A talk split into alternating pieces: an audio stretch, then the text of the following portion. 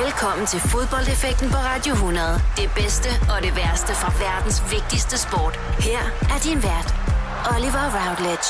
I feel glorious, glorious. Velkommen til Fodboldeffekten, programmet, hvor I vi taler om minder. Minder, som kan forankre en person til et vist sted med nogle visse personer, og som skaber den glæde og eufori, som kun fodbold det kan. Til at tale om de her minder, så skal jeg til hvert program have besøg af folk, som elsker fodbold. Det har jeg igen i denne uge. Velkommen til dig, Sandro Spasojevic. Mange tak. Du er tidligere professionel fodboldspiller. Nu bidrager du blandt andet med din ekspertviden inden for sporten i forskellige podcasts, blandt andet hos uh, Mediano, og så er du også i marketing uh, verden hos et IT-firma nu, ikke? Ja. Det er uh, godt nytår, først og fremmest, tak, Sandro. Um, gode minder, du har valgt til at tage med herinde i dag, synes jeg. Det kan jeg allerede røbe nu. Var det svært for dig at, at vælge, hvilke minder vi skulle rundt om? Ja, det synes jeg, det, det har været, fordi øh, nu har jeg været mange år i fodbolden, men øh, mit problem er faktisk sådan set, at jeg ikke har set super mange kampe live.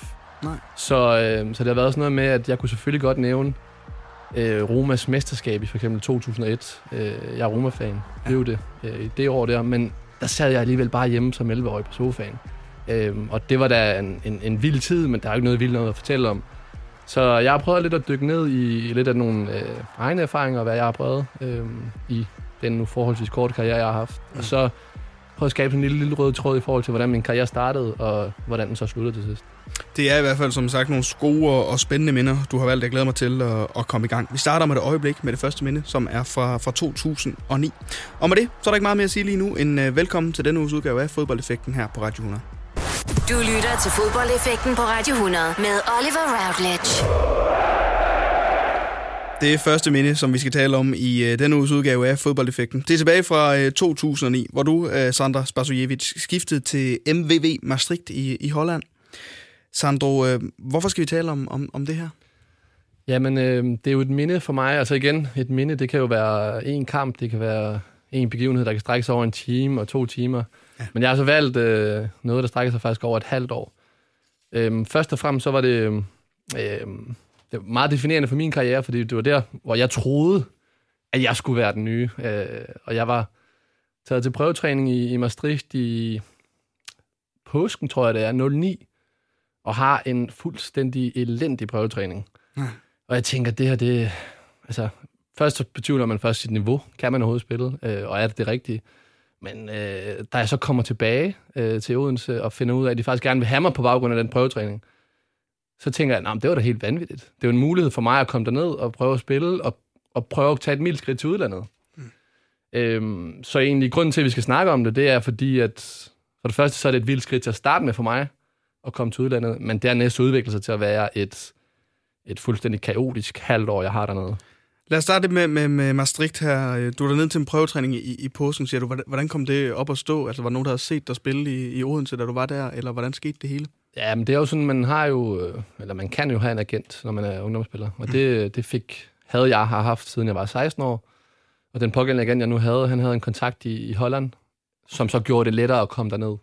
Øhm, så det var egentlig den vej over. Jeg, jeg ved ikke faktisk, om, om de har været ude og kigge, men øh, men det er jo egentlig ret lige til, at de kan jo have været ude og se nogle, nogle ungdomskampe i OB, og har set mig den vej over. Øhm, og det havde jeg næsten håbet, at de havde været, fordi at, som sagt, da jeg kommer derned, der, der er man jo sådan lidt tynget af, at jeg har været på det tidspunkt 18 år, øhm, kommer ned. Det er trods alt alligevel et niveau op, jeg skal præstere. Øh, nye omgivelser. Og så skal man lige pludselig til et nyt land også, øh, til den her prøvetræning. Og selvom det kun er Holland, jamen, så stadigvæk, øh, man kan godt blive nervøs. Og det, øhm, det blev jeg i den i den uge der, sådan ganske basalt gik det bare ud over mine, mine præstationer. Ja. Øhm, og det var både lidt sjovt at tænke på efterfølgende, men, men ikke mens man stod i det jo. Så det var en hel uge, du var til prøvetræning her, hernede? Det, det, var en, det var en mandag til, til fredag, ja. Og det der med, når man, jeg går ud fra i din tid i OB også, øhm, og grunden til, at du også bliver kontaktet, er fordi du har været en, en god ungdomsspiller og, og, og god fodbold, når man så kommer der ned og man kan mærke, at man bliver presset af det her, og man ikke præsterer på det niveau, man, man gerne vil. Kan du huske, du følte dig tynget dernede, at, at det, det, det irriterede dig, fordi du vidste, du kunne bidrage med mere? Ja, men jeg, jeg tænkte jo netop, at øh, hvis det er det her, de godt kan lide, så hvad, hvad kan de så ikke lide, når jeg kan præstere på mit, på mit ypperste? Mm. Men det, der egentlig sker, det er jo så, at øh, jeg flytter til, til Holland, efter jeg er blevet student i 2009. Ja. Og så øh, der er ikke noget, der hedder studenteruge eller noget for mig.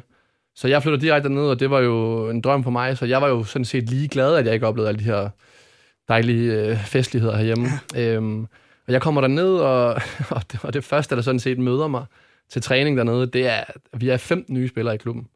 Okay. Det var da alligevel, øh, det var da alligevel voldsomt. Der er blevet oprustet. Ja, der, der, der, er, blevet, der er blevet oprustet virkelig meget. Øh, mange unge spillere, og fordi Maastricht er geografisk placeret helt nede i, i Holland, så der er ikke særlig langt til Belgien og, og Tyskland. Så der var mange spillere, der boede i, i de der forskellige lande. Okay. Øhm, så der var ikke sådan en kultur i klubben. Ja. Øhm, så jeg starter jo så med 15 andre nye spillere og tænker, det der, det, det er da helt vanvittigt. Øhm, grunden til, det så bliver vildere, det er så, at øhm, vi har en træningskamp mod Trabzonspor fra, fra Tyrkiet. Ja. Og det er egentlig sådan et... Da du spurgte mig, at jeg skulle have tre minder med, så tænkte jeg, det er måske det minde, den ene kamp, jeg vil tænke tilbage på som værende det helt store. Vi skal spille en træningskamp mod Trabzonspor, deres sidste træningskamp, inden sæsonen går i gang. Og jeg tænker jo bare, om det er en træningskamp, der plejer at være en, en, en 1000-2000 mennesker. Og jeg mener, der er 20.000 øh, nede i Tyrkiet. Vi spiller øh, klokken 10 om aftenen, og, og jeg kan huske, at, at vi sidder på hotellet inden, og øh, aftenen inden, og, og får startopstillingen, og får også at vide, hvem vi skal spille imod. Og der kan jeg jo bare gå ind på YouTube, skal jeg huske dengang, og så trykke de forskellige navne, vi skal spille overfor. Og der kan jeg huske, at, øh, at en kandspiller, som jeg skal stå overfor, som hed Ibrahima Yatara, han vil Real Madrid gerne have. Ja, okay. Jeg tænkte, okay, det, det, det, er lidt en anden hylde, jeg kommer fra. Jeg kommer ned fra Ådalen i, i Odense, hvor, øh, hvor forældre står og kigger. Så skulle jeg stå over for ham. Øhm, det viser sig senere, at han, han var skadet. Han skulle ikke spille. Men så skulle jeg stå over for en, for en, for en dude, der hedder Alanzinho. Og hvis der er nogen, der har spillet fodboldmanager dengang, ja. så, øh, så kender man Alanzinho. Han har været kåret til, til Norges bedste spiller i 2008, da Starbæk vandt deres mesterskab. Så, så det var lige pludselig en anden kaliber spiller, man skulle stå over for. Og så, øhm, så udvikler det sig så den kamp, at, at øh, jeg spiller igen fuldstændig horribelt i første halvleg, øh, som kant derovre. Øhm, jeg har aldrig spillet kant i mit liv, men det var det, som træneren på det tidspunkt syntes, at jeg skulle spille. Og jeg er egentlig i gang med at tage mine ting af i, i pausen. Jeg tænker, at øh, jeg kan se, at han, han laver det her udskiftningstegn til mig. Jeg tænker, at det, er, det, det er helt fair. Jeg har spillet dårligt, og jeg tror, vi er bagud på det tidspunkt i pausen 3-0 eller sådan et eller andet. Jeg tænker, ja. det er helt fair. Jeg tager mine skinner af og mine støvler, og er faktisk på vej i bad. Jeg står med mine underbukser. Der er en af de andre spillere, der kommer hen til mig og siger, øhm, altså, hvad, hvad har du gang i? Du skal jo, du skal jo ned og spille bak. Bak? Bak? Jeg har aldrig spillet bak i mit liv. Altså, jeg kommer fra at være angriber og har spillet angriber på landshold, ungdomslandshold. Ja. Nå, så måtte jeg jo skynde mig på, så jeg bruger de sidste 6-7 minutter af pausen på at, at tage mit tøj på, og så, så egentlig bare hjernen ud, jeg aner ikke, hvad jeg skal i anden halvleg. Og det er jo lidt det der med, at vi havde en, vi havde en tyrkisk træner, som ikke så godt kunne engelsk, øh, snakkede hollandsk til mig. Og han var bare ikke i, i forhold til at formidle det øh, så fantastisk. Så jeg ender faktisk anden halvleg med at skulle spille bak, øh, og det synes jeg alligevel var en, var en, var en ret sjov oplevelse. Og så også i forhold til sådan noget som, øh, for at tage en anden spiller, som, som var med i kampen, en, en, en der hedder Rigobert Song, mm. øh, tidligere Cameroon, eller landsholdsspiller fra Cameroon, med 100, jeg tror det er 140 landskampe, eller 37. Ja. Øhm, og det, jeg husker fra, fra oplevelsen med ham, det var, jeg kunne hætte, da jeg spillede ungdomsfodbold. Men jeg kunne sagt med ikke hætte, ligesom han kunne. Altså, det var helt op. Jeg tror, manden han var 34 på det tidspunkt, og alligevel så, så spiste han mig. Mm. Så, så, det, så det er sådan et, øh, det, det er et minde, jeg har fra, ja, fra, den, øh, fra den aften, er det vel. Øhm. Det er her, din, øh, din seniorkarriere, den, øh, den starter, Sandro, men, men tiden i, i Maastricht bliver også øh, en hektisk tid for dig, har du skrevet Hvad er det, der sker i, i en tid hernede, der gør, at, at du får en hektisk start på din, din seniorkarriere? Jamen, det er egentlig ikke så meget mig. Øh, altså, den er ikke rettet, at det er hektisk imod mig. Det er sådan set i klubben. Øh, ja, vi har en hektisk oplevelse. Ja. ja. Øh, jeg kommer ned til en klub, hvor vi har Ole Tobiasen som, som, øh, som anfører. Tidligere FCK. Ja.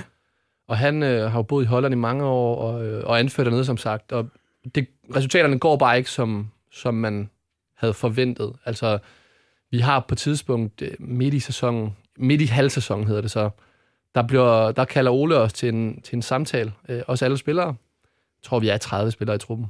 Og så skal vi simpelthen stemme om, om vi synes, træneren skal fyres eller ej. Og det er jo sådan meget at gå imod. Øh, det, altså, det har jeg ikke været vant til, hverken aldrig har hørt om eller oplevet siden. Og der kan jeg huske, at øh, der stemmer vi, så jeg stemmer for, at han skal, han skal smutte træneren. Og jeg mener, at det er sådan noget med, at den ender 17-13 eller sådan noget, håndsoprækningen der. Og man kan godt se, at folk ikke er super glade for at række hånden op, i forhold til, om man bliver ja, om der bliver snakket om bag ens ryg. Ja, præcis. Og det, og det gør der så blandt andet. Så, så i, i de følgende dage, der bliver vi taget til samtale en efter en ved, ved træneren, som simpelthen via en, en spiller har fået at vide, hvem vi 17 spillere var, som havde øh, sagt imod ham. Og der kan jeg bare huske, der står man bare skoleret øh, foran en, en, en tyrkisk træner, hvor jeg ikke kan et fløjtende ord af, hvad han siger. Øh, jeg forstår bare, at øh, min bøde, det er, at jeg skal ikke møde jeg kan ikke huske, om det er den næste uge med førsteholdet. Øhm, det synes jeg var lidt vildt, indtil jeg så kom ud og hørte, hvad nogle af de andre har fået i bøde. Ja. Og det var sådan noget med en, en månedsløn og så videre. Så, så der starter det allerede. Og så er det egentlig, at, at det er jo klart, der er jo ikke tiltro til træneren. Han har ikke tiltro til os. Øhm, skal jeg sige, når jeg siger os, jeg spillede faktisk ikke, fordi jeg blev skadet. Øhm, det kan jeg lige komme ind på efter. Men, mm. men i forhold til at, at, at det levere, det skaber jo bare ikke gode resultater.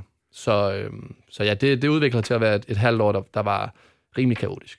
Så der var simpelthen en, en whistleblower blandt, øh, blandt spillerne, så at sige, der ligesom øhm, øh, stak jer på en eller anden måde, ikke? Altså. Ja, det, det må der have været. Øhm, eller det, det var der, mm. 100%. Spørgsmålet er så bare, når man sidder, det er ubehageligt at sidde i en trup, hvor man egentlig, truppen burde jo være samlet ja. mod en træner, hvis det var, at det, at, at det skulle sættes sådan op.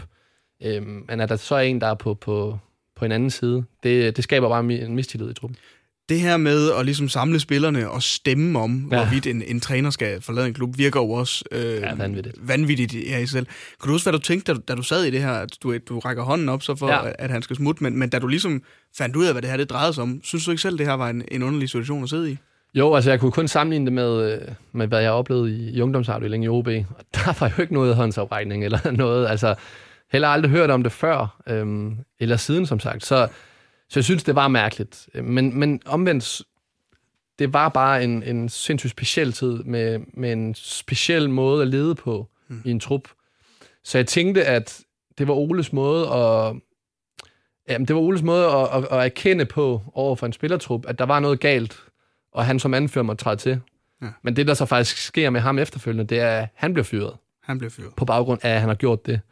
Og så lige så sidder man jo tilbage med en, med en anfører, der er fyret. Og klart nok også for, for mig, jeg tror, det sker i, i midt, jeg kan ikke huske det, i midten af efteråret, at der ryger han væk, som er den her lidt ene kontakt, som, som man nu havde i forhold til... Ja, men det var også noget små ting, som når man stod på banen, og man ikke lige forstod en øvelse, så kigger jeg over på Ole, og så kunne han jo forklare det øh, ved ja, at sige, at det er sådan her. Og der har jeg faktisk også en sjov ting, min, min prøvetræning, hvor min agent havde sagt, jamen bare, du kigger bare over på Ole, så skal han nok forklare dig øvelsen. Og vi, øh, første øvelse går i gang, og træneren kaster bolden ud til mig. Og så øh, kan jeg huske, jamen, så stopper han spillet igen, og der sker noget, hvor han står og snakker, så kigger jeg over på Ole. Sådan som om, at hvad skal, man, hvad skal vi gøre nu her? Så kigger Ole ned i græsset, og, så, og så, så bliver bolden sat i gang igen. Og så er det sådan lidt, okay, fuck, vi er i gang. Og sådan var det sådan meget i, i forhold til, det var meget det der med learn by doing, altså, ja. og det, det var egentlig, altså det var fint nok. Jeg, man, man kom ud, hvor, hvor man, skulle, øh, ja, hvor man ikke kunne bunde, men man skulle. Ja, øhm, det her, det, som sagt her, din, din seniorkarriere, den, den startede for dig, øh, Sandro. Det her, det må jo også have været øhm, en drengedrøm, som, som gik i opfølgende det her professionelle fodboldspiller, og, og så i, i udlandet endda. Altså, da du ligesom du mister din, uh, din studenteruge, men, men det har du ikke noget imod, fordi nu skulle du ned og, og starte en, uh, en professionel karriere. Hvad drømte du om uh, som fodboldspiller, dengang du, du skiftede til Maastricht? Sagde du mister min studenteruge? Nej, nej. Nå, okay, jeg fik min. Ja, ja du fik ja, min studenter, ja, præcis, for den, men du den, mister studenterugen. Ja, studenterugen, ja, ja, det er rigtigt. Ja. Jamen, altså igen, det, jeg flyttede jo ikke til, til Arsenal eller United, eller, eller nu, nu er det jo ikke engang to store, jeg nævner, men, men jeg, jeg flytter ikke til sådan en klub. Nej. Det, det, det er drømmen om at, at få en mulighed for at kunne udvikle sig et andet sted. Ja. Og jeg var i OB i, øh, jamen, siden, jeg tror det var 2006 til 2009, og det var en tid, hvor vi havde Kim Brink dengang, Øhm, og OB var jo, jeg, tror, jeg mener, de, de blev nummer to i de år øhm, i Superligaen. Så der blev ikke sat på unge spillere. Og jeg kan huske, i, i det halve år, hvor jeg egentlig skal finde ud af, hvad jeg skal med mit fodbold, der er Kim Brink ud og udtale, at, øh, at, at man satser ikke på talenter, fordi det er ikke vejen frem. Og så står man jo som ung spiller og tænker, jamen, så er det jo ikke her, jeg skal være. Nej. Øh, så, er det jo, så vil man jo ikke fortsætte i OB. Og så, øh, så udviklede det sig så på den måde, at, at jeg fik den her mulighed, og tænkte, at det var da, det var da en fremragende mulighed for at prøve noget, prøve noget nyt, og komme igen til udlandet, men at tage et mildt step i forhold til at flytte til, hvad ved jeg, Frankrig eller ja, bare for at sige England. Så Holland var et meget mildt step. Men var det et step, du, du kunne tage, når du sådan ser tilbage i, i bagklodskabens øh, lys, Sandro? Følte du, at du fik det ud af det i Maastricht, som, som du skulle have haft? Overhovedet ikke. Altså, som jeg overhovedet ikke. Og det er både en blanding af, at, at jeg ikke var klar. Altså, jeg skulle i bagklodskabens lys have, have blevet hjemme. Øhm, og det er så let at sige nu, og det er også derfor, når jeg snakker om fodbold nu her, og vi snakker om unge talenter osv., ja. det er så individuelt, om man er klar til at flytte til udlandet, øh, om man er både rustet rent, fordi når man, man skal heller ikke tage fejl af, når man kommer til en trup, så, øhm, så er der et hierarki, og det bliver, det bliver ofte rangeret på baggrund af, hvor god du er, og hvad du kommer med i, i, i posen. Så, øhm, så lige så rører man jo bare ind i, i, en, i en seniortrup. Der var, altså, de, de var jo fløjtende ligeglade med, om man havde været ungdomsspiller øh, på landshold og så videre. Ja. Øh, man var et ukendt navn. Og set i bagklubskabens lys, så var jeg jo på ingen måde øh, både gearet til det, øh, men heller ikke klar. Øh, og det viste sig så bare senere hen. Hvornår stod det klart for dig, at, at du ikke skulle fortsætte i, i Maastricht? Jamen, det er, altså, det, det, da sæsonen starter, der øh, starter jeg for eksempel på, på bænken, ja. og vi, vi får en 3 i de første kamp, og ender med at tabe 4-3. Så der starter tingene med at, at, at vende sådan lidt i forhold til, at vi faktisk, at vi var forventet til at ligge op i toppen, men der begynder det at vise sig, at det kan vi ikke. Øhm, til kamp nummer to, der får jeg ved, at jeg skal starte inde øh, på bak. Jeg har aldrig spillet bak i mit liv, som sagt, kun den her træningskamp. Og, øhm, og der, blev, der rev jeg min ledbånd over i anklen. Øh, jeg tror, det er dagen op til. Og samtidig med, at jeg så øh, er på vej tilbage, der, øh, der skal jeg operere næsen. Så jeg har, jeg har nogle, nogle udfald der i forhold til, at jeg ikke er regelmæssigt med, og det er klart, det gør det jo ikke nemmere for mig. Øh, og det er ikke nogen undskyldning. Det er bare i forhold til, at det gør ikke en situation nemmere for en at være i en klub. Nej. Så, så jeg finder ud af, jeg tror, at vi kommer tilbage fra, fra nytår, er det vel, øh, da vi går ind i, i sidste år 10, der er jeg, øh, ja, hvordan er det? Jeg tror, at vi finder ud af det ved, ved, rent faktisk. Der var ikke så meget kommunikation med træneren. Altså, det var, du møder ham på gangen, og det er nærmest ikke et hils, det er, eller man hilser nærmest ikke. Øhm, man går forbi og nærmest er bange. Ja, det var den autoritet, han autoritet, havde. Ja. ja. Så, så jeg tror, jeg finder ud af det ved at bare kunne se på en liste, at jeg ikke var udtaget til en træningslejr. Okay. Og så tænkte jeg, så hvis jeg ikke er udtaget til en træningslejr, så, så må jeg jo komme hjem af, øhm, og så finde mig en klub herhjemme. Og det gjorde du altså også, og det her det var øh, det første minde, du havde, øh, du havde med, Sandro. Altså dit skifte og din tid i, i Maastricht tilbage i, i 2009. Om et øjeblik, der, der skruer vi tiden frem til en noget øh, spændende tid i middelfart, som du er en del af dit andet minde, som altså er i sæsonen 14 og øh, 15 i anden division. Det taler vi om lige om et øjeblik. Når du skal fra Sjælland til Jylland, eller omvendt, så er det Molslinjen, du skal med. Kom, kom, kom, kom, kom, kom, kom, bado. Få et velfortjent bil og spar 200 kilometer. Kør ombord på Molslinjen fra kun 249 kroner. Kom, bare du. I Bauhaus får du nye tilbud hver uge. Så uanset om du skal renovere, reparere eller friske boligen op, har vi altid et godt tilbud. Og husk, vi matcher laveste pris hos konkurrerende byggemarkeder. Også discount byggemarkeder. Bauhaus. Altid meget mere at komme efter. Du på udkig efter en ladeløsning til din elbil? Hos OK kan du lege en ladeboks fra kun 2.995 i oprettelse, inklusiv levering, montering og support. Og med OK's app kan du altid se prisen for din ladning og lade op, når strømmen er billigst. Bestil nu på OK.dk. Du vil bygge i Amerika? Ja, selvfølgelig vil jeg det. Reglerne gælder for alle. Også for en dansk pige, som er blevet glad for en tysk officer. Udbrændt til kunstner. Det er jo sådan, at direktør Conradsen, han ser på mig. Jeg har altid set frem til min sommer. Gense alle dem, jeg kender. Badehotellet. Den sidste sæson. Stream nu på TV2 Play. Du lytter til fodboldeffekten på Radio 100 med Oliver Routledge. Det andet minde, som vi skal dykke ned i denne uges udgave af fodboldeffekten, det er tilbage fra øh, 14-15 sæsonen i, i anden division. Sandro, du spiller på det her tidspunkt øh, i middelfart, og, og det er specielt det, det sidste halvår af sæsonen, øh, som, som vi skal tale om her. Hvorfor er det... Øh, lad os tale om den her periode for det første. Hvorfor er det, vi taler om, om den her tid for dig? Jamen, jeg havde spillet... Øh jeg var kommet tilbage til Danmark for at tage en, lille rød tråd til det, Ja, til det ja. foregående, og har spillet nogle år i divisionerne, og havde egentlig danset rundt, lidt rundt mellem de fynske klubber. Og har spillet det første halve år af den her sæson i, i Svendborg. Mm. Og øhm, Middelfart lå 14 point, mener jeg, op til stregen ved, ved nytårsskiftet. Og der, øhm, der skifter jeg til dem, velvidende om, at det godt kan hedde Danmarksserie fra sommeren af. Og det var både, det var en, vi, de havde fået en ny træner, vores gamle træner i, i Carsten Hemmingsen. Og så kørte tingene generelt bare ikke særlig godt i Svendborg. Øhm, så jeg tænkte, der skulle ske noget nyt, og, og det var egentlig derfor, jeg tænkte, fair nok, jeg kan gå på kompromis med, med selve det her med, at jeg måske skal spille øh, Danmarks serie om et halvt år. Og så er det, jeg så kommer til en klub, øh, som så ender med at, ja, at skabe historie. Ja, men, men, men lad os lige, du, du skifter til en klub, som har altså 14 point op til stregen, og Ja. det kan komme til at hedde Danmarks, øh, hvis det er, at I ikke gør det, som I så går hen og gør. Øh, det, det virker da også som en lidt øh, vild beslutning. Altså, det, det må stå rigtig skidt til i Svendborg, siden du vælger den her løsning. Ja, men vi havde, altså, ikke for at hænge nogen ud, men det er jo sådan igen, når man, når man, der er nogen, man klikker bedre med end andre. Ja. Og, og når man kun spiller anden division, så, så er det også meget med i forhold til kammeratskabet og hvordan det er. Og på det tidspunkt i Svendborg, der, der ryger nogle spillere på grund af noget studie og arbejde osv., og, så videre. og der er det træls at køre til Svendborg i forhold til, at, at det ikke, hvis det ikke er sjovt, og man heller ikke spiller særlig godt fodbold dernede, mm. så, så jeg vælger jo så at skifte, hovedsageligt faktisk på grund af, Carsten Hemmingsen. Okay. Fordi jeg havde haft ham tidligere, og det var egentlig de bedste år af, mit, af min, øh, altså i min fodboldkarriere Mm. på det niveau, som, øh, som jeg havde under ham, og så tænkte jeg, det vil jeg da, det vil jeg da super gerne fortsætte. Og så havde jeg så lidt den her fornemmelse af, at de havde jo gjort det, ja, mildest talt lort i, i det første halve år, Ja. så, øhm, så man, kunne, man kunne kun gøre det bedre. Ja. Øhm, og det var lidt den tilgang, man kom til, øh, til middelfart. Og så, øhm, vi skulle hente 14 point på et halvt år. Ja. Og det starter med, at jeg tror, i de første fire kampe får vi 5 point.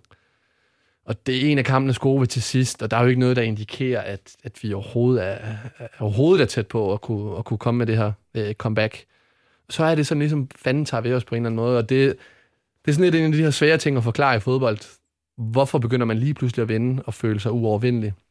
Men det gør vi jo så. Øh, Jeg tror, vi, vi samler i løbet af af det øh, forår, samler vi 31 point.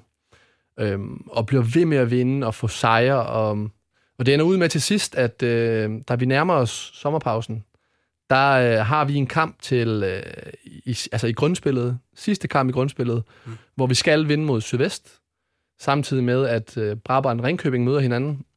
Men hvis den bliver udgjort, så overlever begge de hold. Jeg tror, at den ene kan gå i playoff, som skal møde playoff-vinderen, eller det er jo ikke en vinder, men playoff over i, øh, i Øst. Ja. Og øhm, jeg kan ikke huske, hvem er den så, der, der så overlever, og så ryger vi ud. Og de kampene bliver spillet samtidig. Og øhm, vores kamp, den udvikler sig sådan, at jeg tror, vi fører 5-0 ret, ret hurtigt. Efter en time spil er det jo en sikkert, at vi vil vinde. Og vi får at vide ude i Brabrand, og det, vi hører jo hele tiden, når der sker ude i Brabrand, at det, der står 0-0. Og vi tænker jo, de er gang i en klassisk italiensk kamp derovre. Der sker ikke noget på banen, og vil du fred være med det, det havde man også selv gjort. Man vil ikke det store, og man vil heller ikke sætte noget på spil. Og vi, øh, vi, øh, vi ender med at vinde vores kamp øh, 5-1, mener jeg det er, og ligger egentlig og har spillet fremragende fodbold. Ikke kun i den kamp, men i hele øh, det der forår. Og øh, kampen er færdig, og vi, vi kan huske ud i Sydvest, eller var det Sydvest? Vi, vi, vi, vi ligger ned, og så pludselig kan vi høre en, der råber udefra, der er scoret i Brabrand. Øh, Lukas Enevoldsen har scoret i 96. minut. Så er der simpelthen en spiller op i, i Brabrand Ringkøbing, der har banket den ind til 1-0, som så gør, at Ringkøbing ryger ud, Ja. og Brabrand overlever selv, og vi går i playoff, og vi går jo fuldstændigt amok, og øh, jamen, det, var helt, det var helt vanvittigt. Men vi går amok, fordi vi har fået muligheden for at kunne spille den her playoff-kamp. Ja, I er jo ikke engang sikre Nå, vi var ikke engang sikre, Nej. og jeg kan huske, at øh, nogle af forældrene til, til de andre spillere, de åbner champagne og sådan noget, og vi, øh, vores, vores formand og sådan noget kommer ned og siger, jamen tillykke, men vi- der er jo ikke sket noget, altså vi har kun fået muligheden. Øhm, og så er det så, at det var jo så første hurdle, ja. som vi var kommet over, det første halve år, altså vi har hentet 14 point. Jeg kan huske, øh, vi snakker omkring at lave en, en ja, det må være en Randers, Ja. da, da de overlevede øh, nogle år tidligere. Og det, nu kan jeg ikke lige huske 100% på stående fod, hvordan, hvordan, og hvor mange point Randers havde, men det her er jo selvfølgelig i anden division, men jeg synes, det er, det er et helt vanvittigt resultat. Og så er det jo så, at vi kommer til, til playoff-kampen. Men hvad er det, der begynder at, at lykkes for? Jeg ved godt, nogle gange så, så det er svært at forklare, at man, man føler sig uovervindelig på, ja. på, en, på en fodboldgame, men, men I får de her nødvendige 14 point i, i det halvår og, og for at blive Randers. Det er jo ikke Ove Christensen, der lige pludselig kommer ind. Altså, nej, altså, nej. Det, det er Carsten Hemmingsen. Ja. Men, men begynder I øhm, at spille bedre og fungere som et hold lige pludselig, eller hvad? Jamen, det er sjovt, fordi hvad er det Ove, han kan, hvis vi nu skal tage, som, ja. som en anden træner måske ikke kan? Jamen, det er jo, jeg har ikke haft Ove, så jeg ved ikke, men det handler om at, at få noget nyt ind i en spillertrup. Og tit og ofte er det sådan i, i anden division, at man kan altså godt vinde nogle, nogle kampe og få point på at være i bedre form end modstanderen. Ja. Og det, hvis man bare, jeg ved ikke, hvor gamle lytterne er af sådan et program her er, men, men Carsten Hemmingsen, hvis der var noget, han kunne, ja. da han spillede fodbold, så var det at løbe og det var faktisk det, han førte ind i, i vores trup. Det var, at vi skulle løbe, øh, jeg kan ikke huske, om det var to eller tre gange om ugen, øh, hvor vi brugte øh, en halv time til 45 minutter på at løbe, inden træningen gik i gang. Så det var jo fuldstændig smadret i hele opstarten. Men han sagde jo hver gang til os, bare rolig, det skal nok komme igen. Og vi var jo sådan til at starte med, ja ja, der er jo 14 point op. Men så faktisk, så begynder det bare at vise sig, at som kampene skrider frem, så har vi bare flere kræfter. Og det ved jeg godt er en, det er en let og billig ting at sige, at, at man bare har flere kræfter. Øh, men hvis, der, hvis man skal begrunde, hvorfor øh, at vi blandt andet har mere overskud i kampene, så var det jo sådan en ting. Fordi altså, vi var jo ikke blevet bedre fodboldspillere de sidste, igennem det sidste halve år. Det handler om selvtillid, og det var, sådan, det var en af de ting, han, øh, og han stadigvæk den dag i dag kan finde ud af at, at, at pille ved. Mm. Inden vi lige dykker ned i, i de playoff-kampe, som I kommer til at, at spille, Sandro, så er det jo som sagt, at, at du bliver hentet til, til Middelfart øh, i, i, det her, øh, ja, i den her midt på sæsonen hedder det. Hvad var det for en rolle, du skulle ind og, og være i Middelfart? Hvad, hvad var det, du skulle ind og gøre? Øh, var det at score mål, eller var det at bidrage til noget andet i holdet? Først og fremmest så bliver man jo hentet som angriber, så det er jo at score. Ja. Øhm, og det, det er jo alfa og omega for en angriber. Også øh, personligt, vi kan jo, man kan jo godt spille godt som hold, men tit og ofte som angriber, hvis man ikke har scoret, jamen så, øh, så er man jo skuffet, når man går for banen.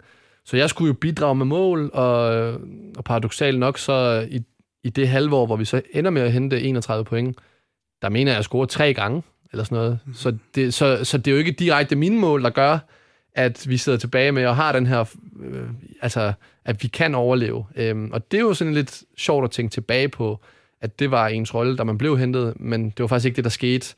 Øhm, men, men igen, være en del af et hold, jeg spillede alle kampe, og, øhm, og, og det er jo sofa-vælgeren, eller sofa-seeren, der vil sige, man har ikke scoret mål, men, men i, i hele den her oplevelse af at være del af et hold, og den var fuldstændig fremragende. Og så var jeg faktisk ligeglad på det tidspunkt, om det var mig, der scorede målene, eller om det var andre. Og mm. det er jo sådan en, god gammeldags slidt kliché, jeg bruger her, at man er ligeglad. Men, men det var jo fordi, at, at øh, altså, farsen længere ude var jo, at man skulle spille Danmarks serie. Ja. Og det ville vi, og jeg ville overhovedet ikke øh, ned i rækken. Nej. Så, øh, så jeg var vidderligt ligeglad om, om hvem der scorede målene. De to playoff-kampe, de er imod Rishøj, øh, Sandro, som ender på, på samme placering som jeg, bare i, i, i Østpuljen, som det jo er delt op. Nu siger du, da I, da I spiller den her øh, kamp imod Sydvest, og det står klart, at Brabrand også har scoret, og de vinder 1-0, så bliver der jublet med champagne, og hvad ved jeg, men I var jo ikke færdige. Altså, I, I skulle stadig spille to kampe. Ja. Hvordan var stemningen inden de her to kampe mod Sydvest, når jeg ligesom kom ned i, i niveauet igen, fordi de bliver spillet relativt hurtigt efterfølgende? Ja, jeg mener, at bliver spillet om, øh, Sydvestkampen, som er refereret til, bliver spillet om lørdagen, og jeg mener, at playoff-kampen er onsdag lørdag igen. Ja, nemlig. Øhm, og, og det sjove ved hele det her er, at øh, et halvt år tidligere, der er vores anfører Kasper Johansen, som stadigvæk er nede i, i Middelfart nu her, en fremragende spiller, han, øh, han skal giftes. Og han har jo så sammen med sin, øh, sin kæreste på det tidspunkt planlagt et bryllup, og de har jo så lagt den på den lørdag, hvor returkampen skulle spilles. Oh. Og det vidste de jo så ikke, da de, da de planlagde det før, for de har jo tænkt, at vi var jo 14 point bagefter, så selvom man kiggede frem i kalenderen, og ikke nogen, der kunne forestille sig, at man skulle spille øh, den lørdag. Så da vi så finder ud af, at vi skal spille øh, playoff-kampene, der kan han kun være med i den første kamp. Og, og på et anden divisionshold, der betyder, det gør det jo så set på mange hold, men der er han bare en utrolig vigtig spiller. Ja. Han kan ikke være med, og vi har desuden to af vores spillere, der er, skal til hans bryllup, to eller tre, blandt andet hans bror. Mm. Øhm, så hvad, hvad skal der ske med det? Altså, bryllup er jo en stor ting, øhm, som ikke sker så ofte i ens liv. Øhm, playoff-kamp, ja, yeah, whatever, om 10 år har man måske glemt det igen. Så hvad skal der ske? Så det, det der sker i Middelfart, det er, at øh, inden kamp 1 går i gang, så laver de her spillere en aftale med, øh, med vores formand, at de, øh, de vil blive fløjet i helikopter efter kampen fra Rishøj til, åh, jeg tror det er Aarhus eller et eller andet, hvor de skal flyves til. Øhm, så efter kamp nummer to, der vil simpelthen holde en helikopter og hente spillerne, så de der tre spillere kan spille. Kasper kan så ikke være med. Og det synes jeg jo er helt vanvittigt i sig selv. Altså, Det lyder jo ikke som noget, der er i anden division, det her. det, det lyder jo overhovedet ikke noget, som der er i anden division, altså at der vil holde en helikopter. Men, øh, men det, der så sker, det er, at, at, at det ved vi jo godt om onsdagen, da vi skal spille, at, øh, at det vil ske om lørdagen, mm. det her. Så der, der, der kamp mod Rishøj går i gang den første, der, det er jo en af de her kampe igen, som er ret speciel. Og igen, alt er relativt, for det her det er på, på anden divisionsniveau. Men nede i Middelfart om aftenen, en, en, en sommerdag, hvor der er mange mennesker osv., og, og der er noget på spil. Man kunne bare godt mærke, at der var noget specielt. Ja. Um, og vi ender med at vinde kampen øh, 1-0. Ja, I gør så. Ja. 37. minut. Mål af dig. Ja, jeg scorer. Øhm, jeg scorer, ja, et, hvis jeg selv skal sige det, et, frem, et fremragende mål, øh, hvor jeg øh, lukker øjnene fra ja, langt ude fra og klapper til den med, min- med mit venstre ben. Og den går ind, og det er jo sådan en af de her igen, øh, ting, som mit næste minde egentlig bærer præg af, i forhold til, at det starter et, et selvtillidsrun for mig. Men, øh, men vi vinder, ender med at vinde øh, 1-0 i den kamp, og, og har egentlig et okay udgangspunkt til, til kamp nummer to, mm. som, øh, som så skal spille som lørdagen. Ja, I sådan spiller så om lørdagen, og, og som sagt, I, I fører I, øh, 1-0, så et fint udgangspunkt. Og så kommer I til Rishøj her øh, om lørdagen. Kommer bagud øh, 2-0 lige pludselig, øh, Ja. Sandro. Hvad, øh, hvad, hvad, hvad går galt der? Jamen igen, men vi øh, på det her niveau, der har man jo aldrig nogensinde prøvet at spille med udebanemål, og det her med, at man faktisk fører en kamp, men godt behøver ikke at vinde kamp nummer to. Nej. Så vi kommer ind og er øh, altså stanken nervøs. Altså, vi, vi, vi begår fejl, de klassiske fejl, man nu laver, og kommer bagud 1-0. Øhm, mener, at vi er bagud 1-0 ved pausen. Ja. Men vi har stadigvæk den her overbevisning om, at, øhm, at de skal stadigvæk op og... Nej, jeg kan ikke huske, om der står 1-0 nu faktisk ved pausen, om der står, der står 0-0. Fordi jeg kan huske, at vi har følelsen til halvleg, at de skal jo op og score to gange, for at de, skal, og, og, at de kan gå videre. Og det gør de så i anden halvleg. Ja. Øh, og der er jo ikke noget, der kører på sådan en... Eller det var der ikke noget for os. Så vi, vi, øh, vi går jo rundt og er frustreret inde på banen, og jeg tror, vi runder 90. minut, og vi har haft øh, keeperen med op en gang på et hjørnespark. Vi har haft alle med op. Og Rishøj Stadion, eller stadionuret i Rishøj, det er et af de her uger her, som et, et klassisk stadionur, som går i stå på 90. minut. 90 minutter, ja. Så, så det er jo noget med hele tiden at, at, at kigge ud til træneren, eller ud til tilskuerne, og få tiden. Men ud fra de der Rishøj tilskuere, får man jo ikke den reelle tid. så jeg kan huske, at, at der kommer et hjørnespark i... Jamen, jeg tror, vi er... Altså, vi har i hvert fald fået to hjørnespark i, i 90'erne. Jeg tror, vi er i en, en 4-95'erne der. Første hjørnespark sker der ikke noget ved. Jeg kan bare huske, altså... Jeg tænker, jamen selvfølgelig er man ikke en del af noget. Det skulle bare stoppe her. Ja. Og så, øh, og så er det vores midterforsvar, som aldrig nogensinde har lavet et mål, øh, hopper op. Og så er det jo en af de her øjeblikke her, hvor tiden står stille for en, og man kan se, man har ønsket, at det var en selv, men, øh, men, øh, men, men Getterman, som han hedder, Christoffer Getterman, han, ja. han hopper op og, og stanger den her i kassen, og det var jo fuldstændig vanvittigt. Øh, der er en video ude for tilskuerne af, hvor de filmer det her hjørnespark, og så filmer de, da vi så scorer og går amok, så kan man se reaktionen fra vores trænerbænk. Der er sådan, man kan ikke være i sig selv, altså kommer til at råbe nogle ting, som man måske ikke er glad for efterfølgende, men en fuldstændig sindssyg situation, som så gør, at vi øh, scorer til 2-1 i, i, er dybt inde i overtiden og overlever på, på udebanemål. Ja, på reglen om udbanemål overlever nemlig, Ja. ja. 2-2, og I har et, et enkelt udbanemål. Det må have været en, øh, en meget, meget voldsom forløsning og kulmination på et halvt års masse løbearbejde, men også et godt hold, I, I har spillet sammen her. Jeg kan ikke lade være med at tænke på, at Carsten Hemmingsen øh, kommer ind. Vi fortæller om, at han, øh, han får i pisket til at løbe en helvedes masse, og I kan løbe mere end jeres modstander mange af gangene. Hvor stor en andel har han i, at, at Middelfart de ikke øh, rykker i Danmark den her øh, sæson i din optik? Det er jo klart nok, det er jo spillerne, det er også spillere, der har, der har leveret varen på banen, men, men det er jo ham, der har givet os forudsætningerne for at kunne gøre det. Så jeg vil sige, hvis han ikke var der, så havde vi ikke kunne gøre det. Øh, altså det, han har en, en kæmpe fortjeneste i det. Og er jo også et kæmpe boost til hans karriere øh, efterfølgende. Men det er jo sådan, at da vi kommer ind i omklædningsrummet efterfølgende, og, og det er jo sådan en ud af kroppen oplevelse. De skal også afsted til bryllup, de her. Ja, ja. De skal over til, et, til en anden stor ting. Øhm, og vi, vi siger farvel til den og kommer ind i omklædningsrummet. Der kan jeg huske, at min far han ringer til mig.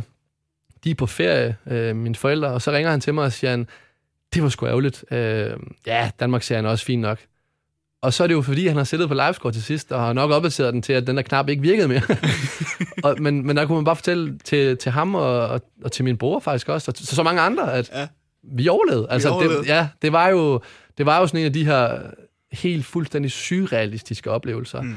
Og jeg kan huske, at, at dagen efter, mener jeg, der, der skal jeg på ferie, og der, der ligger jeg på, på Tenerife, og, og, og det er også surrealistisk, fordi i, man har haft et halvt år, og jeg gik på universitetet samtidig med, og man ved det bare, når man, når man går i skole og har de her eksamensperioder. Ja. Det kan være hårdt i sig selv, og så har man så et, et halvt år med, med fodbolden her. Jeg kan huske, da, da jeg ligger på det hotel og, og slapper af ved poolen, der tænker jeg, det var da helt vanvittigt, hvad jeg oplevede i går og i dag, der ligger her. Det var sådan et, det er jo en oplevelse, man, man aldrig glemmer. Det er i den grad øh, en oplevelse, og en, øh, en meget mirakuløs og flot overlevelse også øh, med Middelfart her i anden division i, i 14-15 sæson. Du er inde på det kort øh, lige før, Sandro. Det her, blandt andet det her mål, som du scorede i den første playoff-kamp, giver dig en, øh, en masse selvtillid. Og den selvtillid, den bringer dig andre steder hen i din øh, fodboldkarriere. Vi skal tale lidt øh, om det næste minde om et øjeblik, som er dit øh, skifte til HB Køge i 2016. Der er mange store spørgsmål i livet. Et af de mere svære er, hvad skal vi have at spise i aften? Derfor har vi hos Nemlig lavet en madplanlægger, der hver uge sender dig personlige forslag til aftensmad, så du har svaret klar. Tilmeld dig nu på nemlig.com. Nem, nemmer, nemlig. Arbejder du sommetider hjemme? Så er Bog og ID altid en god idé. Du finder alt til hjemmekontoret, og torsdag, fredag og lørdag får du 20% på HP printerpatroner. Vi ses i Bog og ID og på Bog og ID.dk. Harald Nyborg. Altid lave priser. Sjehpak. Højtryksrenser. Kun 299. Møbelhund til 150 kilo. Kun 49 kroner. Tilmeld nyhedsbrevet og deltag i konkurrencer om fede præmier på haraldnyborg.dk. 120 år med altid lave priser. Haps, haps, haps. Få dem lige straks. Hele påsken før, imens billetter til max 99. Haps, haps, haps. Nu skal vi have... Orange billetter til max 99. Rejs med DSB Orange i påsken fra 23. marts til 1. april. Rejs billigt, rejs orange. DSB, rejs med. Hops, hops, hops. Du lytter til fodboldeffekten på Radio 100 med Oliver Routledge. Sandro, det er tredje og øh, sidste minde, som vi skal tale om i øh, denne udgave af fodboldeffekten. Det er tilbage fra, øh, fra 2016. Uh, vi skal tale om dit skifte, et skifte som lavet til HB Køge, og her er skifte i, i, i citationstegn. Fordi du er, er HB Køge-spiller i, i godt og vel 48 timer, uh, Sandro, ja. hvorefter du uh, annullerer kontrakten. Hvorfor skal vi tale om det her minde, Sandro? Det er jo ikke uh, altså, det største minde for, for en fodboldspillers karriere, kunne jeg forestille mig. Nej, det er jo ikke, det er jo ikke et højdepunkt i min Nej. karriere, men øhm, det første minde, jeg nævnte, det var jo sådan, hvor jeg troede, nu, nu skulle min karriere starte. Øhm, og det her minde er sådan lidt i forhold til, at det var en erkendelse af, at, at jeg skulle ikke være fodboldspiller. Og det var heller ikke, det var både noget, jeg ikke skulle være, men det var heller ikke noget, jeg, ville, jeg ønskede at være. Og så, øhm, ja, det er jo bare et af de mærkeligste kapitler, øh, dage i mit liv. Mm. Øh, men egentlig en af de dage, hvor jeg er glad for, at jeg træffede den beslutning, som jeg nu gjorde. Fordi at, øh, at det var en rigtig beslutning. Den kom så ud forkert, og måden det skete på var forkert. Men, øh, men 100% en, en, en rigtig beslutning fra min side af. Og, og øh, hvad skal man sige, også en mærkværdig situation for, for de, der var involveret. Mm. Øh, for det er jo klart nok, det er jo ikke noget, jeg er super stolt af i dag. Men, øh, men i dag, nogle år efter, så er det jo så er det en ting, man kun kan grine af, altså, som jeg synes er sjov at, at kigge tilbage på. Lad os vente lidt med det. Lad os tale om, om, om HB Køge først og fremmest. Hvad er det, der gør, at du lige pludselig bliver... Det er jo, det er jo et, et, et skridt op ad stigen, det her skiftet ja. til, til HB Køge. Hvad, hvad der gør, du lige pludselig bliver interessant for dem, og hvordan kommer det her i stand? Jamen, det mål, jeg laver mod, øh, mod Rishøj den første kamp, det starter egentlig, øh, at, at altså, man får selvtillid af at score. Ja. Og det bygger over, over det næste, der er sæsonen så starter igen der over de næste 15 kampe i efteråret, der scorer jeg, jeg tror det er 10-11 mål. Mm. I, og det er jo klart, det, det skaber noget interesse udadtil. Øhm, og jeg har jo hele mit liv tænkt, igen, en, en god gammeldags kliché, det der med, at man gerne vil spille på så højt muligt niveau. Og det vil alle jo. Så, øh, så jeg har jo mange år tænkt, hvorfor er der ikke nogen, der tager, tager mig op? Øhm, og nu, øh, nu var jeg så i middelfart, og der sker det, øh, at det, det, er en, det er en lang tilgang, eller en lang, langt opløb, jeg laver til historien, men, men der sker det igen, at, øh, at Carsten skifter til, øh, han skifter væk faktisk fra, fra, fra middelfart. Og der sker nogle ting i klubben i forhold til, øh, til noget, hvor jeg tænker, jamen jeg må, jeg gider ikke bruge den tid på det i forhold til at skulle rejse til middelfart, samtidig med at studere. Og så var der en klub i Odense, der hed Marienlyst, mm. som jeg faktisk skifter til den, den vinter. Det er det, der gør hele den her situation lidt ja, endnu mere mærkelig. Jeg skifter til Marienlyst, og, øhm, og starter egentlig op i Marienlyst. Øhm, og efter en uge, så bliver jeg kontaktet af, eller så, så ringer øh, min træner til mig og siger, at HB Køge vil rigtig gerne have det til prøvetræning. Og jeg kan huske, der, der er jeg oppe i fitness, er i gang med forberedelse til den nye sæson, og tænker, fedt, det er min mulighed, det her. Ja. Det er min mulighed for at kunne komme op, men de vil have dig til prøve, og jeg tænker, nej, jeg skal fandme ikke til prøve. Øh, det var det her med, jeg snakkede før, fordi jeg har det sådan lidt, jeg skal alligevel op og præstere på et niveau højere op. Man kan nærmest kun skuffe, jeg kommer ud af form, og de har været i gang med deres opstart og sådan noget, men jeg tænker, det er min mulighed. Og så ender jeg så med at tage til prøve i, i HB Køge. Ja. Og der, øhm, der kører jeg sammen med, med Len til træning, og har snakket med ham og så videre, og får indtrykket af, at, at han super gerne vil have mig. Og det er også det, han giver, øh, altså hele den uge der, der giver han udtryk for, at han, han rigtig gerne vil have mig. Og jeg er, jeg har lidt den her følelse af på det tidspunkt, at er det overhovedet fodbold, jeg vil mere? Øhm, men nu, samtidig med at jeg har den følelse, så får jeg det her, den her mulighed for at spille, for at spille noget højere. Øhm, så der, vi, der er lidt tårtrækkeri frem og tilbage i forhold til forhandling og så videre. Men jeg kommer frem til, at jeg om torsdagen, tror jeg det er, gerne vil skrive kontrakt. Og så er det, det bliver fredag, og øhm, jeg mener, transfervinduet lukker om søndagen. Mm. Og i det transfervindue, der har HB Køge, øh, der har HB Køge kommet af med, med mange offensivspillere. Blandt andet, hvor du kommer fra op i Jørgen, tror jeg, Brandau er taget hen. Og, ja. Så de, de mangler nogle offensive spillere, og jeg kunne egentlig godt se min vej, hvis jeg gør det bare nogenlunde, så spiller jeg. og om fredagen, der, der spiller vi mod, øh, mod OB i træningskamp, og der skriver jeg under. Og det er sådan en af de her øjeblikke her, hvor man, hvor man står, og jeg har det her billede her, hvor jeg trykker øh, Henrik Lems hånd, hvor jeg egentlig burde være glad over at have fået muligheden. Men det er bare slet ikke det, er bare slet ikke det jeg vil. Øh, og det er sådan lidt mærkeligt at sige i forhold til, at jeg faktisk skriver under. Men det er lidt den her 19-årige Sandro, der har taget beslutningen for en, på derværende tidspunkt, mener jeg er 25. Mm. Øhm, jeg skulle nemlig også stoppe ude på universitetet, i, øh, hvor jeg gik på SDU i Odense, øhm, hvor jeg skulle starte på min kandidat. Og det var faktisk ikke det, jeg ville. Jeg ville, jeg ville gerne fortsætte. Jeg ville gerne færdiggøre min skole. Og jeg havde erkendt for lang tid siden, at, at det måske ikke, altså det var ikke fodbold, jeg ville. Jeg vil gerne ud i at arbejde. Altså skabe mig et, et navn i erhvervslivet. Hvis man siger det med sådan erhvervsliv. Men i forhold til at, at få, få et fod indenfor, så, øhm, så jeg, jeg spiller så den her træningskamp og tager hjem og kan jo mærke, at det er ikke rigtigt det her. Og, og der kan jeg huske, at den lørdag, det er verdens længste dag for mig. Altså, jeg, jeg går med tankerne om, at øh, men hvad, hvad, altså, det kan jeg jo ikke gøre, og jeg er nødt til at spille ud. Men stille og roligt løbet af lørdagen, erkender jeg også over for mig selv, at, øh, at hvis jeg spiller i HB Køge, og jeg ikke vil, vil det kunne ses på mine præstationer, og i sidste ende vil det gå ud over dem. Og så tror jeg i løbet af, jeg tror, jeg ved, jeg i løbet af lørdagen erkender over for mig selv, at det, det er ikke det her, jeg skal. Og så er det, jeg skal gribe røret jo, og foretage det her opkald. Ja. Og der kan jeg huske, altså, da jeg skal ringe og, og sige det, der har jeg jo... Altså, det er, jo, det er jo ikke verdens fedeste situation at skulle sige, og jeg kender over for en mand, der har, der har vil en så meget. Øhm, men der måtte jeg simpelthen bare krybe til korset og så sige, at hvordan tingene nu var. Og det er jeg på det derværende tidspunkt glad for, at de så... Øhm, det er jo ikke, fordi han kan forstå det. Fordi et, 48 timer inden kunne jeg have truffet noget andet. Så det er jo en vanvittig beslutning. Men jeg er glad for, at, at det ender ud i, som det gjorde. Øhm, og jeg så øh, får afbrudt kontrakten, og der kan jeg jo godt se med det samme, at jeg er faktisk fløjtende ligeglad med, om, hvad der bliver skrevet om. Fordi at basically så ved ingen, øh, hvilke overvejelser jeg har haft med det. Så, øh, så alt, hvad der foregår efterfølgende med, at der bliver skrevet, og jeg laver jo sjov med det den dag i dag. Jeg synes jo, det er en, det er en, det er en sjov ting, der skete. Ja. Øhm, så jeg ender jo så med at komme i skole igen om, om, om mandagen, og der kan, jeg, der kan jeg huske, da, jeg- da jeg kommer ind til forelæsning, kommer to minutter for sent selvfølgelig, øhm, der, der, der er to-tre, der kigger på mig, i det, jeg kommer ind, og jeg tænker jo bare, det er fordi, at jeg, øhm, jeg er for sent.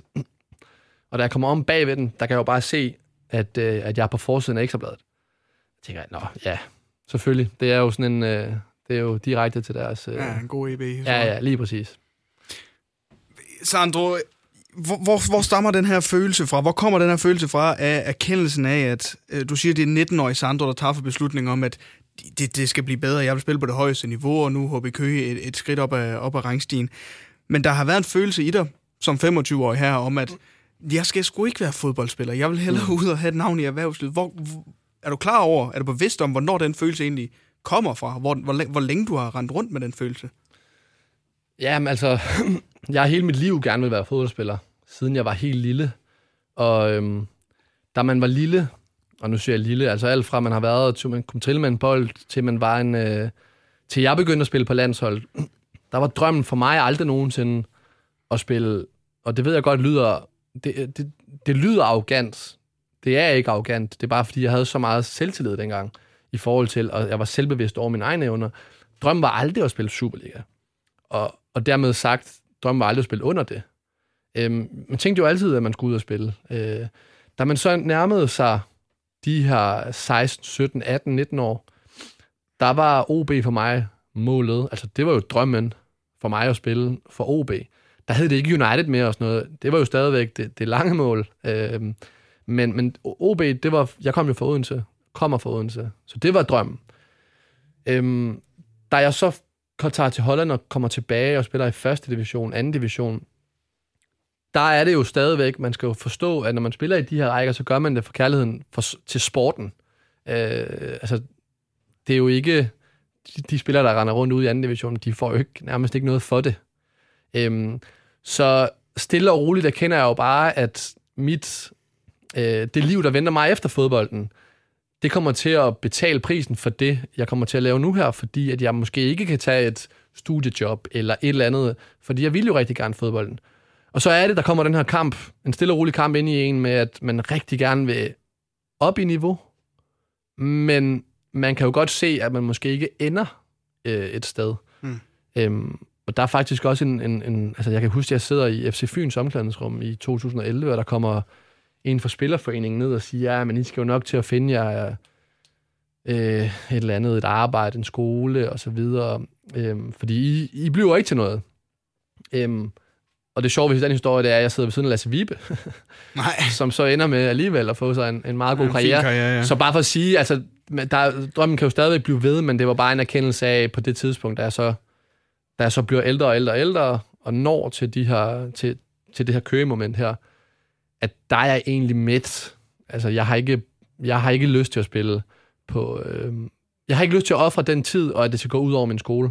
Og det er jo faktisk, det er jo faktisk bare en erkendelse af, som er lidt af svært at træffe i forhold til, det er jo, en, det er jo lidt en kamp mod sig selv, Ja. i alle de år, man har været, hvad man egentlig kendt sig selv. Præcis, altså det er jo, øh, som du forklarer det her, en, en, en klog og rationel beslutning, mm. og en erkendelse af, at det, det bliver sgu ikke meget højere for mig måske, og, og det, det kommer måske ikke derop, som jeg havde håbet på som en, som en 17-18-årig.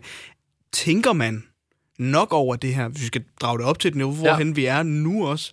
Er det her noget, som spillere tænker nok over? Altså, at man kan have det nok så fedt i første division, men hey kammerat, når du bliver 34 en gang stiller støvlerne på hylden, så skal du sgu også noget bagefter. Ja, men jeg synes, ja, og tænker man nok over det. Altså, man skal selvfølgelig drømme, og det lyder så stort, det her med... Men jeg, jeg, jeg synes, jeg er ked af, når jeg kigger på spillere i, i divisionerne nu, som er de her 3-24-25 år, bruger fire gange om ugen på træning og en kamp øh, i weekenden. Så meget tid så meget får de heller ikke tilbage rent økonomisk. Det er Nej. ikke fordi, det skal opgøres i økonomi, men, men altså hverdagen hænger nogle gange lige sammen for den.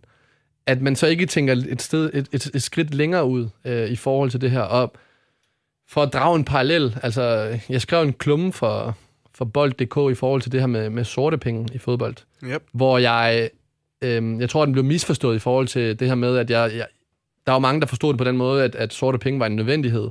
Og jeg synes, at det var en god ting. Det, jeg basically prøvede at sige med det, var, at jeg forstår godt de spillere, der tager sorte penge, fordi at hvis du står i en situation, hvor du er studerende, hvor du skal få det til at fungere rent økonomisk, jamen så er det bare flere penge, du kan få ved at spille sort, end ved ikke at gøre det. Mm. Og, og det er det, det dilemma, jeg tror, at der er mange, der står overfor, fordi at man bruger så meget tid på fodbold. Og igen, det skal ikke være ondt, fordi man kan jo bare stoppe. Mm. Men, men det er jo igen den her, det er jo kærligheden til en sport, som gør, at det er svært at stoppe. Og der er bare mange spillere, øh, inklusive mig selv dengang, der, man kender ikke sig selv, hvis man ikke har fodbold. Så uden fodbold, der var jeg jo en anden, end jeg for eksempel er i dag. Hmm. Så jeg tror bare, mange spillere, når de, når de render rundt i, i, i divisionerne nu her, og du fjerner fodbolden fra dem, så fjerner du jo et, et stykke af deres identitet. Det lyder jo så Einstein, professoragtigt, men, men det tror jeg, man gør. Og det er derfor, at øh, ja, jeg synes, det er ærgerligt, at... Jeg, ja, det er ikke ærgerligt, for det er et forkert ord at bruge. Man kan selvfølgelig bare vælge at stoppe, men, men nogle gange synes jeg, man skal have det lange øh, perspektiv på, og, og prøve at se det ude i fremtiden den her, øh, den her weekend, som vi, vi, vi snakker om nu, øh, hvor du ja. skriver under om fredagen og, og, og trækker stikket øh, 48 timer senere, Sandro, og så i, tilbage i skole igen og om mandagen, kunne du så mærke efterfølgende, da du havde taget den her svære telefonsamtale og sagde, prøv at høre, det, det er sgu ikke, det, ja. det er ikke mig det her, det er ikke det, jeg vil, og du går i gang med din kandidat på SDU, at du er gladere, at, at, at det, det er den rigtige beslutning, selvom det er en pissehård beslutning at træffe i momentet, at det var den helt rigtige beslutning, du træffede? 100 procent. Det var jo ikke sådan, jeg, jeg stoppede jo ikke med at spille fodbold. Jeg røg jo faktisk tilbage og spillede for, for Marienløst, så jeg mm. havde jo lavet, hvor mange skifter er det så? Det var fra Middelfart til Marienløst til HB Køge okay. og tilbage igen. Ja. Øhm, så jeg fortsatte jo faktisk bare med at spille, som jeg hele tiden har gjort. Øhm, men nu havde jeg jo ikke ønsket om at ville spille højere op og, og fortsætte ude på, på universitetet. Og der var jeg jo, jeg var jo glad. Altså, igen, så sidder man med hovedet nede i bøgerne og tænker, at det er noget lort, det her. Men det var det jo ikke, for det var jo det, jeg ville. Så, så jeg synes, at, at tiden efterfølgende var... Altså, jeg, jeg havde glemt det to dage efter, så jeg tænkte jo ikke mere over det. Øhm, det ville sig så sådan, at jeg, et, jeg tror i september, samme år i september, der river jeg så korsbåndet over. Og der er det jo faktisk bare, hvis jeg... Øh, det her med HBK skete i januar, der er kendt jeg over for mig selv op i hovedet. Nu fortalte min krop det jo så på en eller anden måde, øh, indirekte, mm. at jeg fik en skade. Så, øhm, så i september, da jeg så river korsbåndet over, der har jeg stort set ikke spillet fodbold siden. Nej. Så, øhm, så det var sådan meget, 2016 var meget sådan et, et, et definerende år for, for mig.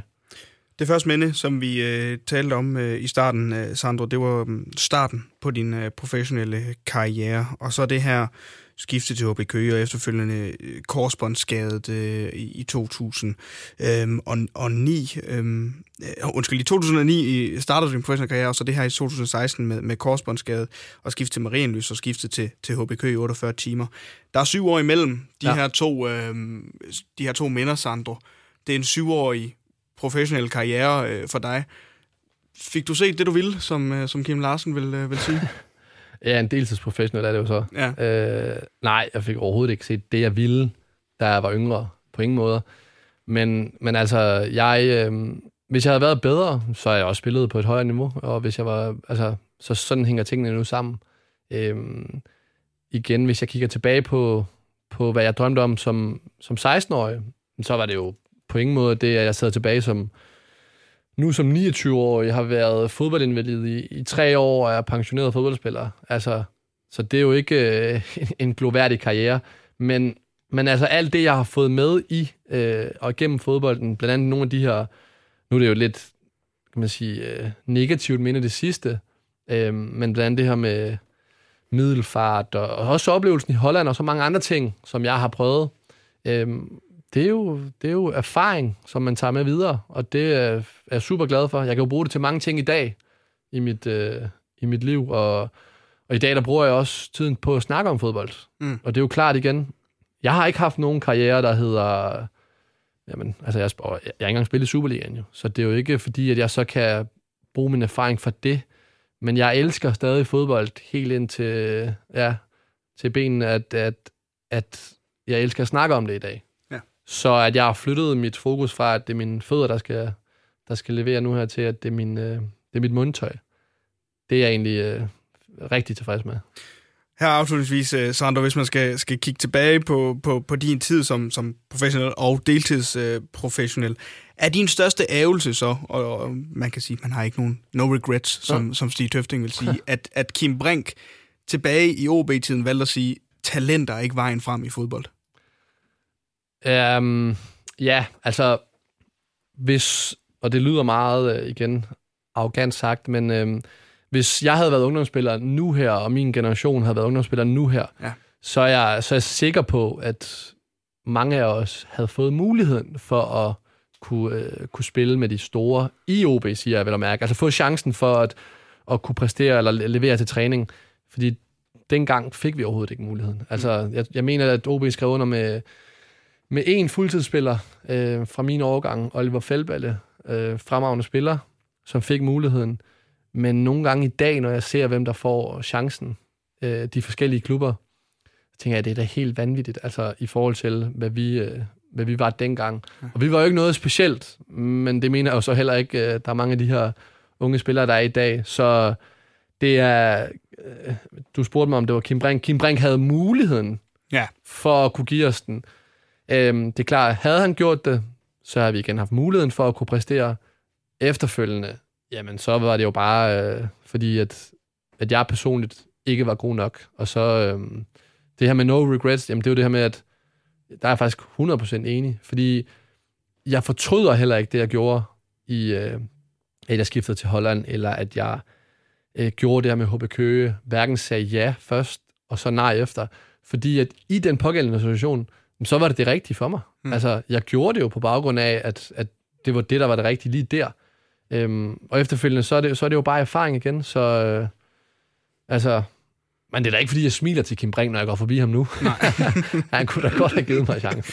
Det lyder også som om, at du i 2016 og i den her tid med HB Køge, Sandro, lært meget om dig selv som menneske. Altså, du, du har også rykket dig her. Altså. Ja, jeg, jeg tror, at jeg, jeg har lært meget om mig selv, som alle andre, igennem hele mit liv, og så kom det bare til udtryk ja.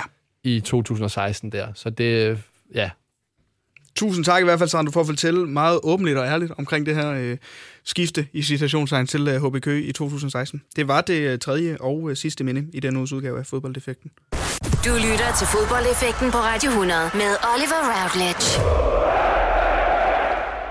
Og øh, med de tre minder, så er vi nået øh, til vejs ende med denne uges udgave af Fodboldeffekten. Vi kom altså forbi dit øh, første skifte, Sandro, skifte til Maastricht tilbage i 2009. Den mirakuløse og flotte overlevelse i øh, middelfart i anden division i 2014-2015 sæsonen. Og så det her skifte, der efterfølgende bliver annulleret i HB Køge tilbage i 2016. Sandro, tusind, tusind tak, fordi du havde lyst til at være med og øh, dele dine minder herinde sammen med os. Tusind tak, fordi jeg måtte komme.